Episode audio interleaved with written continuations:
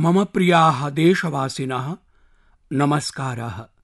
अद्य प्रारम्भादेव मन की बात प्रसारणं दूरभाषाकारणातः एव कुर्मः।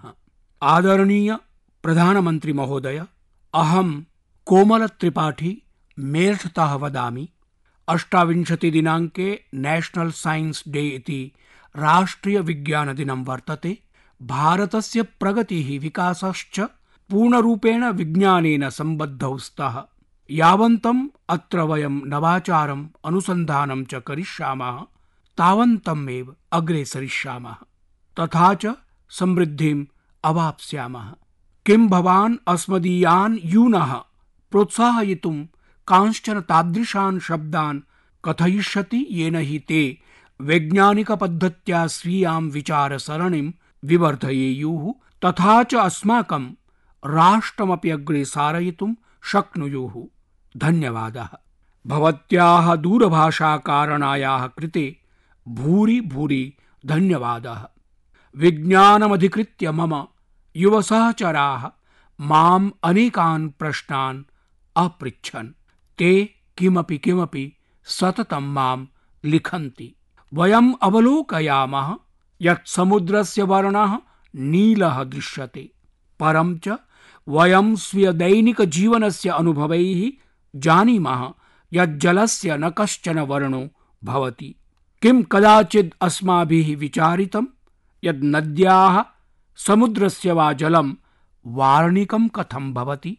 अयमेव प्रश्नः विंशत्युत्तर एकोनविंशतिशततमस्य दशके एकस्य युवकस्य मनसि समुत्पन्नः। अमुना एव प्रश्नेन आधुनिकभारतस्य अनन्यतमः महान् वैज्ञानिकः समुत्पादितः। यदा वयं विज्ञानविषयिणीं चर्चां कुर्मः तदा सर्वप्रथमं भारतरत्नं सर् सि वि रमणं स्मरामः। सः लैट् स्कैटरिङ्ग् इति प्रकाशस्य प्रकीर्णनक्षेत्रे उत्कृष्टकार्यम् अकरोत्। तदर्थम् असौ नोबेल् पुरस्कारेण सभाजितः। तस्य अन्यतमम् अन्वेषणं रमन् इफेक्ट् इति नाम्ना सुख्यातमस्ति।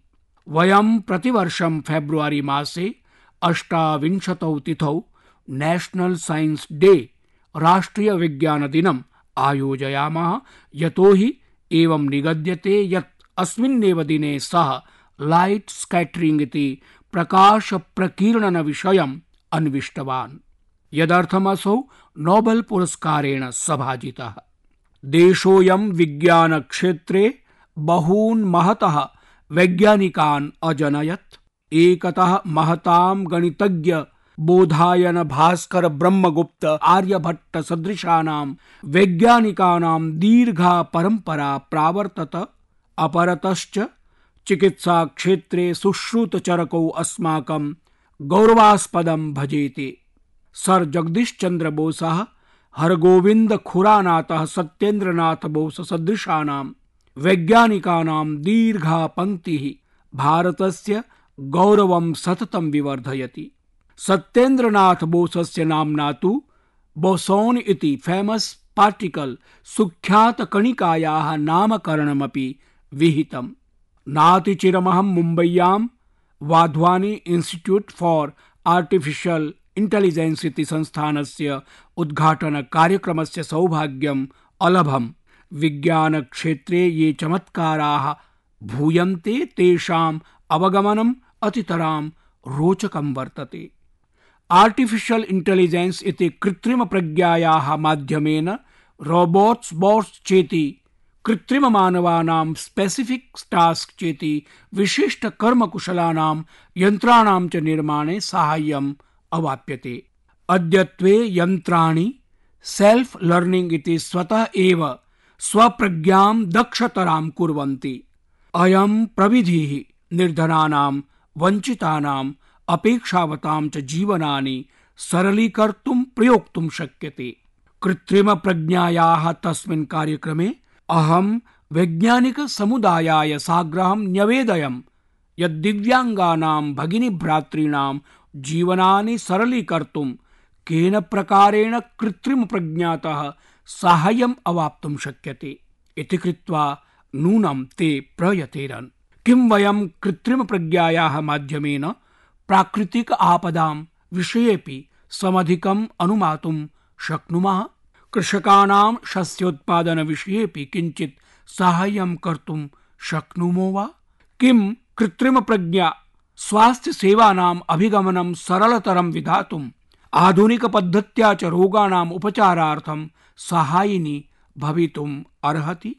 विगतेषु दिनेषु इज्रायेल् प्रधानमन्त्रिणा साकमहं गुजराते, अहमदाबादे आय क्रिएट् इति कार्यक्रमस्य उद्घाटनाय अवसरं लब्धवान्।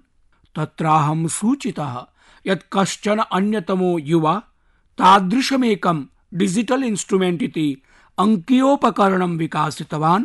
यस्य साहाय्येन कश्चन वक्तुम् अक्षमो जनः, तस्योपकरणमाध्यमेन स्वीयं हार्दं लिखन्नेव तद्ध्वनिरूपेण परिणमते।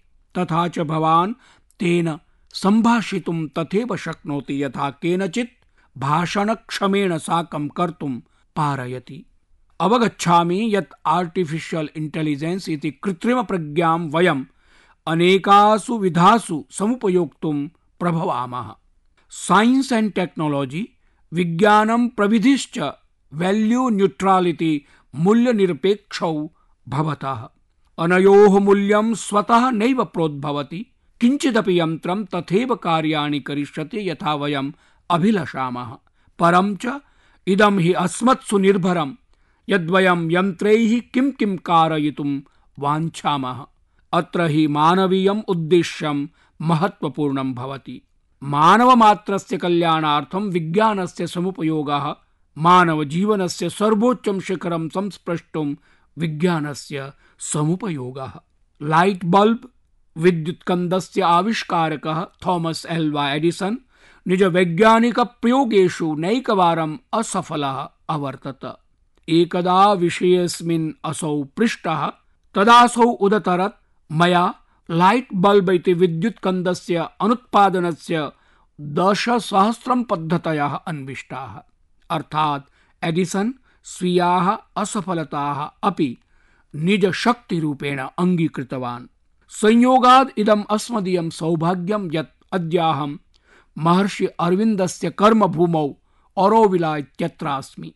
सः क्रान्तिकारीरूपेण ब्रिटेन् शासनं समाहवयत्। तद्विरुध्य सङ्घर्षम् अकरोत्, तेषां शासने अनेकविधम् आशङ्कितवान्। एवं हि सः महर्षिरूपेण जीवनस्य प्रत्येकमपि प्रश्नानाम् उत्तराणि अन्विष्य मानवतायाः मार्गप्रदर्शनम् अकरोत्। सत्यं ज्ञातुं पौनः पुनिकि जिज्ञासा हि सुतरां महत्वपूर्णास्ति वैज्ञानिकान्वेषणस्य कृतेपि वास्तविकी प्रेरणा सैवास्ति। कथम किं, केन प्रकारेण च इत्यादि प्रश्नानाम् उत्तराणि नैव समुपलभ्यन्ते तावत् पर्यन्तं विश्रमेण नैव स्थातव्यम्। नेशनल साइंस डे इति राष्ट्रिय विज्ञान दिनावसरे अस्मदीयान् वैज्ञानिकान् विज्ञान सम्बद्धान् सर्वान् जनान् चाहं वर्धापयामि। अस्मदीया युव सन्ततिः सत्यज्ञानयोः अन्वेषणार्थं सततं प्रेरिता भवेत्। विज्ञानस्य साहाय्येन समाजसेवायै अनार्तं सम्प्रेरिता स्यात्। एतदर्थं मम भूरिशो मङ्गलकामनाः विलसन्तु तराम्। मित्राणि, सङ्कटकाले सेफ्टी डिजास्टर् चेत्यादि सुरक्षा प्रबन्धन विषयकाः अनेके सन्देशाः नैकवारं माँ प्रति प्रेष्यन्ते। जनाः माँ किमपि किमपि विविधं लिखन्ति एव। पुणेतः श्रीमान् रवीन्द्रसिंहः नरेन्द्र मोदी मोबाइल ऐप इत्यत्र प्रेषितायां निज टिप्पण्याम्, ऑक्युपेशनल सेफ्टी इति वृत्तिविषयिणीं चर्चाम् अकरोत्। सः अलिखत् यदस्माकं देशे फैक्टरीज कंस्ट्रक्शन साइट्स् चेति निर्माणि निर्माणस्थलेषु सेफ्टी स्टैण्डर्ड्स् सुरक्षामानकानि तावन्ति समीचीनानि नैव वर्तन्ते। आगामिनि मार्च मासे चतुर्थे दिने भारतस्य नेशनल सेफ्टी डे इति राष्ट्रिय सुरक्षा दिवसोऽस्ति। तर्हि प्रधानमन्त्री स्वीये मन की बात प्रसारणे सुरक्षा विषये नूनं सूचयेत्। येन जनेषु सुरक्षा विषयिणी जागर्तिः विवर्धेत।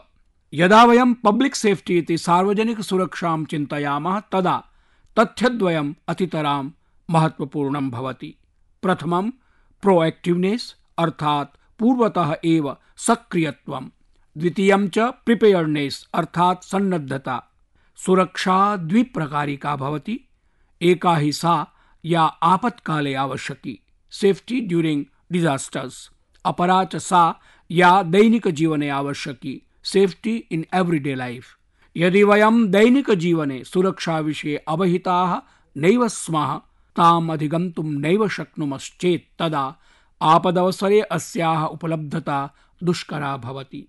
वयं नैकवारं मार्गेषु स्थापितानि, सूचनाफलकानि पठामः, येषु लिखितं भवति यत् अवधानता नास्ति चेत् दुर्घटना भविष्यति।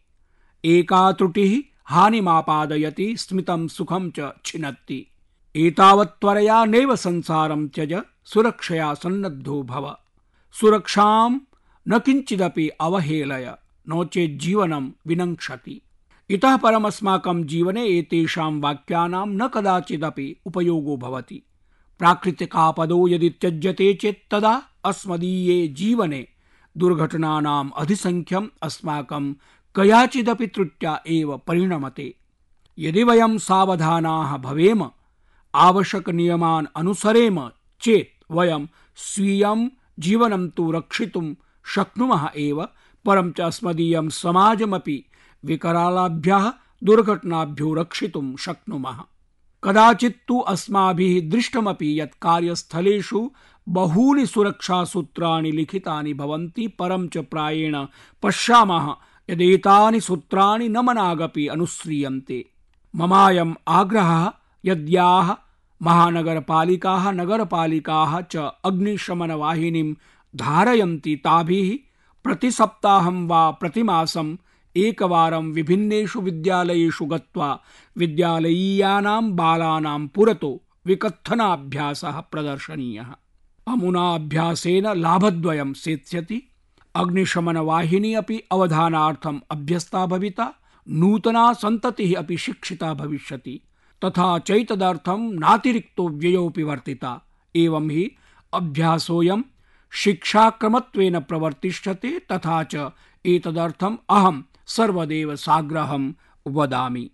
आपत्सन्दर्भे तु इदमेव चिन्तनीयं यत् भारतं भौगोलिकदृष्ट्या, जलवायुदृष्ट्या च विविधता सम्भरितो देशोऽस्ति अमुना विकथनाभ्यासेन देशेन अनेकाः प्राकृतिकाः मानवनिर्मिताश्च आपदः सम्मुखीकृताः। यासु रासायनिक्यः औद्योगिकश्च दुर्घटनाः अन्यतमाः सन्ति।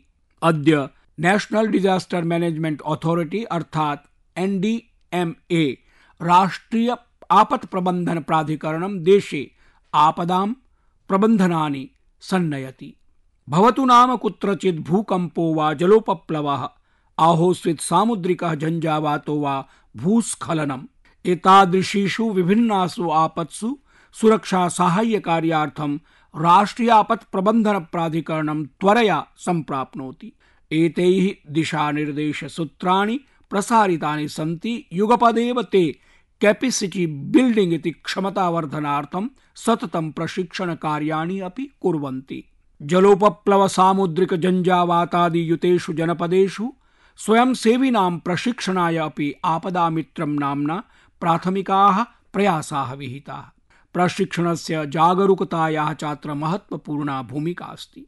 इतः वर्षद्वयं, वर्षत्रयं वा पूर्वं हीट् वेव् घर्माघातेन प्रतिवर्षं सहस्रशो जनाः विगतप्राणाः जायन्ते स्म। ततः परं राष्ट्रियापत्प्रबन्धनप्राधिकरणं घर्माघातानां प्रबन्धनार्थं कार्यशालाः आयोजितवत्। जनेषु जागर्तिं प्रसारयितुम् अभियानं च प्रावर्तयत्। ऋतुविज्ञानविभागः समीचीनं पूर्वानुमानं व्यदधात्। सर्वेषां सहभागितायाः कारणात् सुपरिणामः अवाप्तः।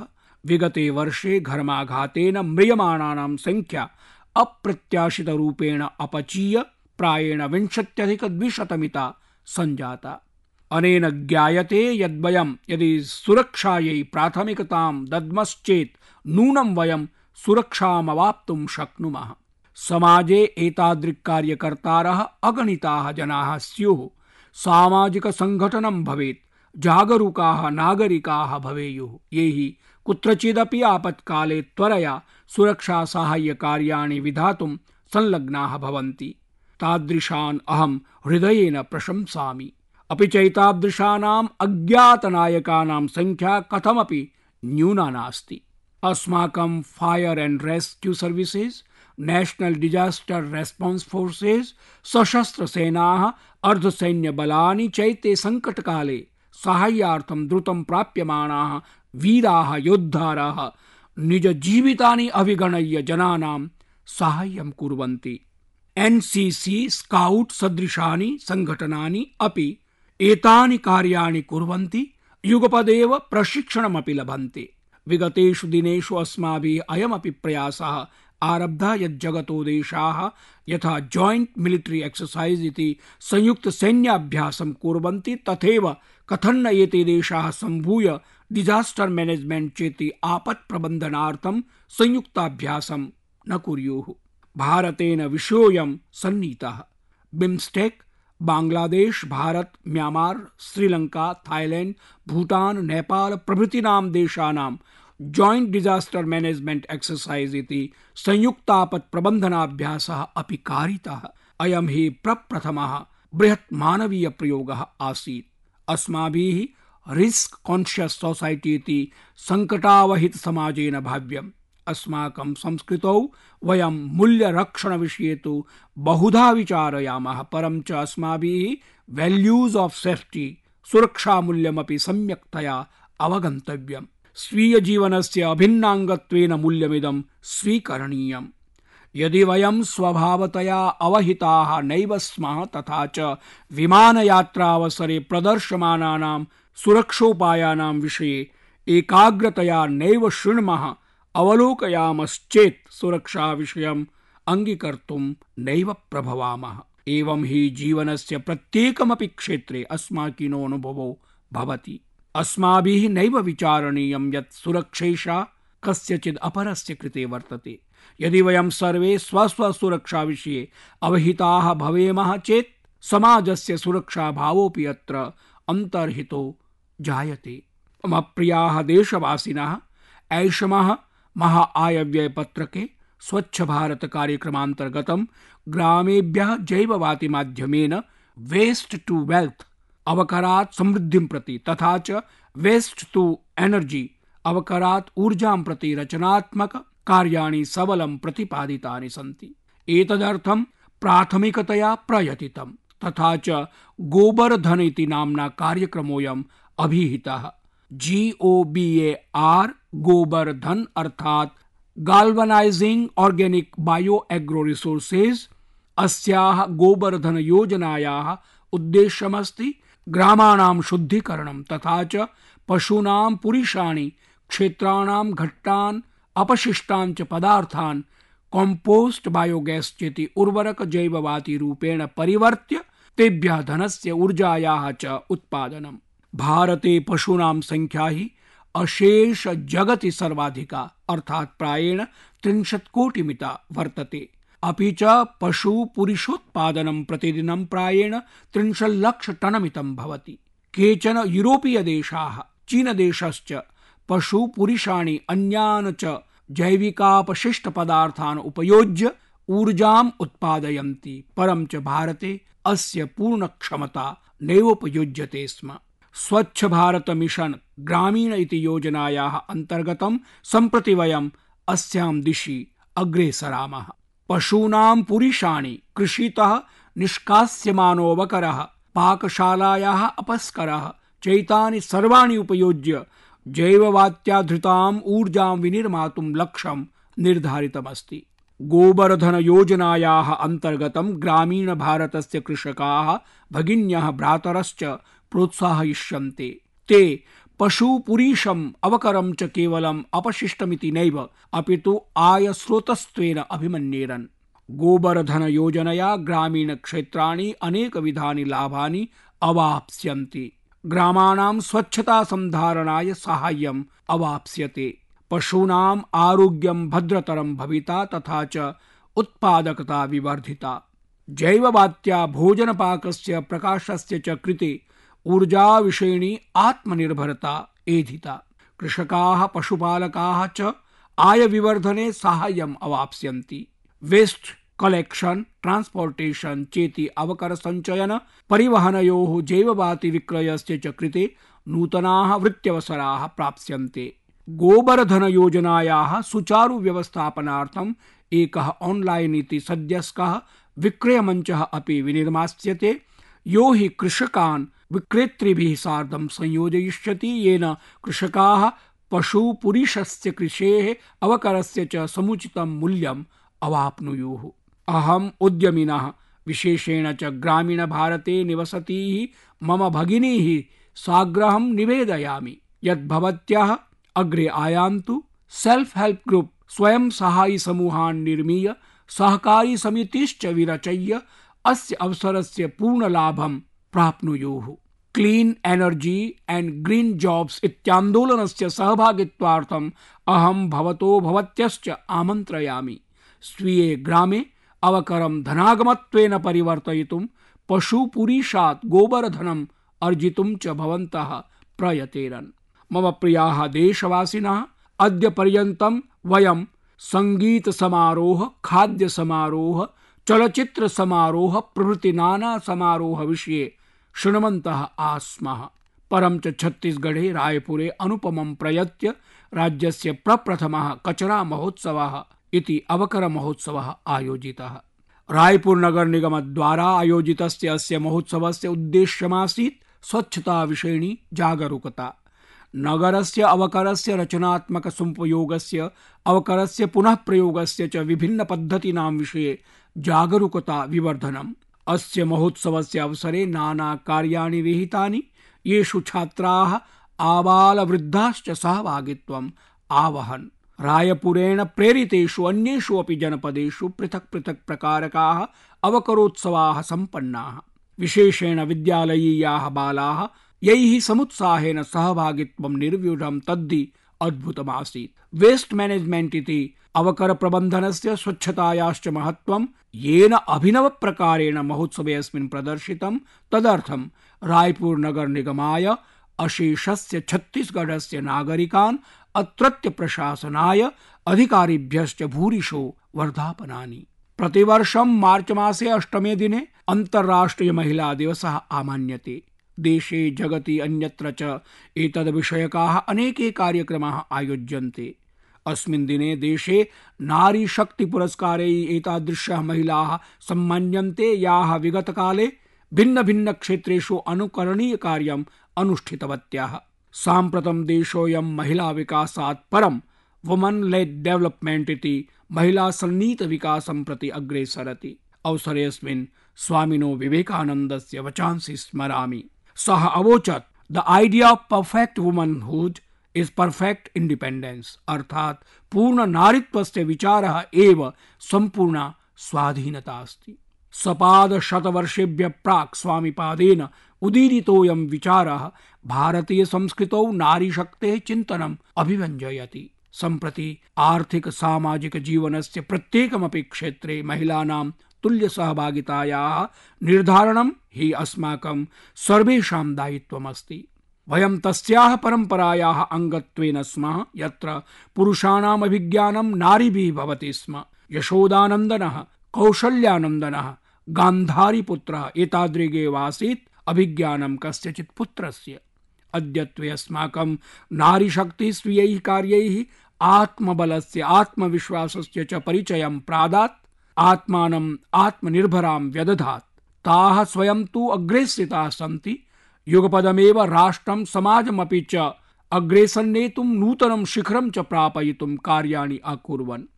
परमार्थेन अस्माकं नूतन भारतस्य इदमेव स्वप्नमस्ति यत्र नारी समर्था, शक्ता च स्यात्। देशस्य समग्र विकासे समानतया सहभागिनी भवेत्। विगतेषु दिनेषु केनचित् महोदयेन अतितरां भद्रः परामर्शः प्रदत्तः।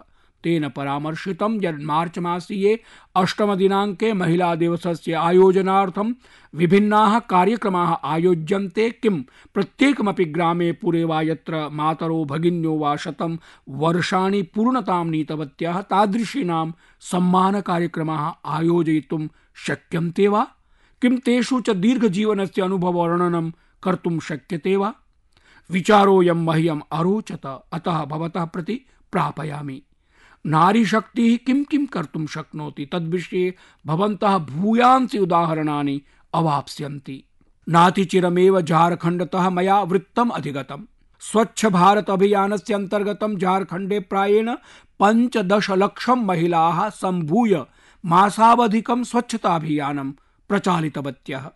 ऐषमः जान्युआरि मासे षड्विंशदिनाङ्कतः आरब्धस्य अस्य अभियानस्य अन्तर्गतं केवलं विंशतौ दिनेष्वेव एताः महिलाः सप्ततिसहस्राधिकलक्षमितान् शौचालयान् निर्मीय नूतनं कीर्तिमानं प्रतिष्ठापितवत्यः। भवन्तः कल्पयितुं शक्नुवन्ति यदेषा कियती महती घटना वर्तते।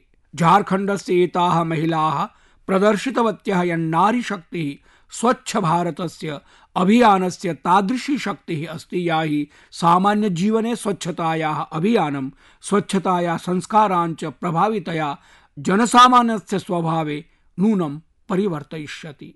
भ्रातरो भगिन्यश्च सद्यः दिवसद्वयपूर्वमेव अहं वार्ताः अवलोकयन् आसं यत् एलिफेण्टा द्वीपे ग्रामत्रये स्वाधीनतायाः सप्ततेः वर्षाणाम् अनन्तरं विद्युत् प्राप्ता अस्ति तथा च एतदर्थं तत्रत्याः जनाः हर्षोल्लासेन समुत्साहसन्दोहेन च प्रसन्नाः प्रतीयन्ते स्म। भवन्तः सर्वे सम्यक्तया अवगच्छन्ति यद् एलिफेण्टा द्वीपः मुम्बैतः समुद्रे एव दश किलोमीटर् मितान्तरालेन दूरे वर्तते। अयं द्वीपः पर्यटनस्य अतितरां बृहदाकर्षककेन्द्रत्वेन अस्ति। एलिफेण्टा गुहाः युनेस्को इत्यस्य विश्वरिक्थरूपाः सन्ति। तत्र प्रतिदिनं देशविदेशेभ्यः बृहन्मात्रिकाः पर्यटकाः आयान्ति। इदं हि महत्त्वपूर्णं पर्यटककेन्द्रं वर्तते। अहं तत्रत्यं प्रशासनं जनान् च वर्धापयामि। प्रसीदामितरां यदि इतः परम् एलिफेण्टा ग्रामः एलिफेण्टा गुहाश्च विद्युदः प्रकाशेन सततं प्रकाशिष्यन्ते। नैतत् केवलं विद्युद्वृत्तम्, अपि तु विकासक्रमस्य अभिनवः प्रारम्भः अस्ति। देशवासिनां जीवनानि प्रकाशितानि स्युः, तेषां जीवनेषु प्रसन्नता भवेत्, चेत्यतः परं किमधिकं तोषप्रदं, सुखप्रदं वा स्यात्। मम प्रियाः भ्रातरः भगिन्यश्च, नातिचिरं वयं शिवरात्रिमहोत्सवम् आयोजितवन्तः। इतः परं मार्च मासे शस्य प्रफुल्लितानि क्षेत्राणि सुवर्णनिभाः क्रीडन्त्यः गोधूमाग्रभागाः तथा च मानसानन्ददायिन्यः आम्रमञ्जर्याः तासां च शोभा एतत् सर्वमपि अस्य मासस्य वैशिष्ट्यमस्ति। परं च मासोऽयं होलिकापर्वणः मासः इति कृत्वा अस्मभ्यः सर्वेभ्यः प्रियः अतितरां रोचते च। मार्च मासे द्वितीये दिने अशेषदेशः होलिकोत्सवं हर्षोल्लासेन आयोजयिष्यति। होलिका पर्वणि यावत् महत्त्वं रङ्गानाम् अस्ति, तावदेव महत्त्वं होलिका दहनस्यापि वर्तते, यतो हि दिनमिदं दुर्वृत्तम् अग्निराशौ दाहयित्वा तन्निरसनस्य दिनमस्ति। होलिका पर्व सर्वान् मनोमालिन्य भावान् अपाकृत्य विस्मृत्य च सम्भूय उपवेशनस्य मिथः सुखम् आनन्दं च सम्भाजयितुं शुभावसरत्वेन वर्तते। एतच्च प्रेम्णः एकतायाः बन्धुत्वस्य च सन्देशं ददाति। भवतः सर्वान् देशवासिनः होलिकापर्वणः रङ्गोत्सवस्य च भूयांसि अभिनन्दनानि, मङ्गलकामनाश्च, रङ्गपूर्णाः शुभकामनाः। पर्वेदम् अस्माकं देशवासिनां जीवने विविधवर्णयुतां प्रसन्नताम् आपूरयेत् इत्येव हार्दिकी शुभकामना। मम प्रियाः देशवासिनः, कोटिशो धन्यवादाः। नमस्कारः।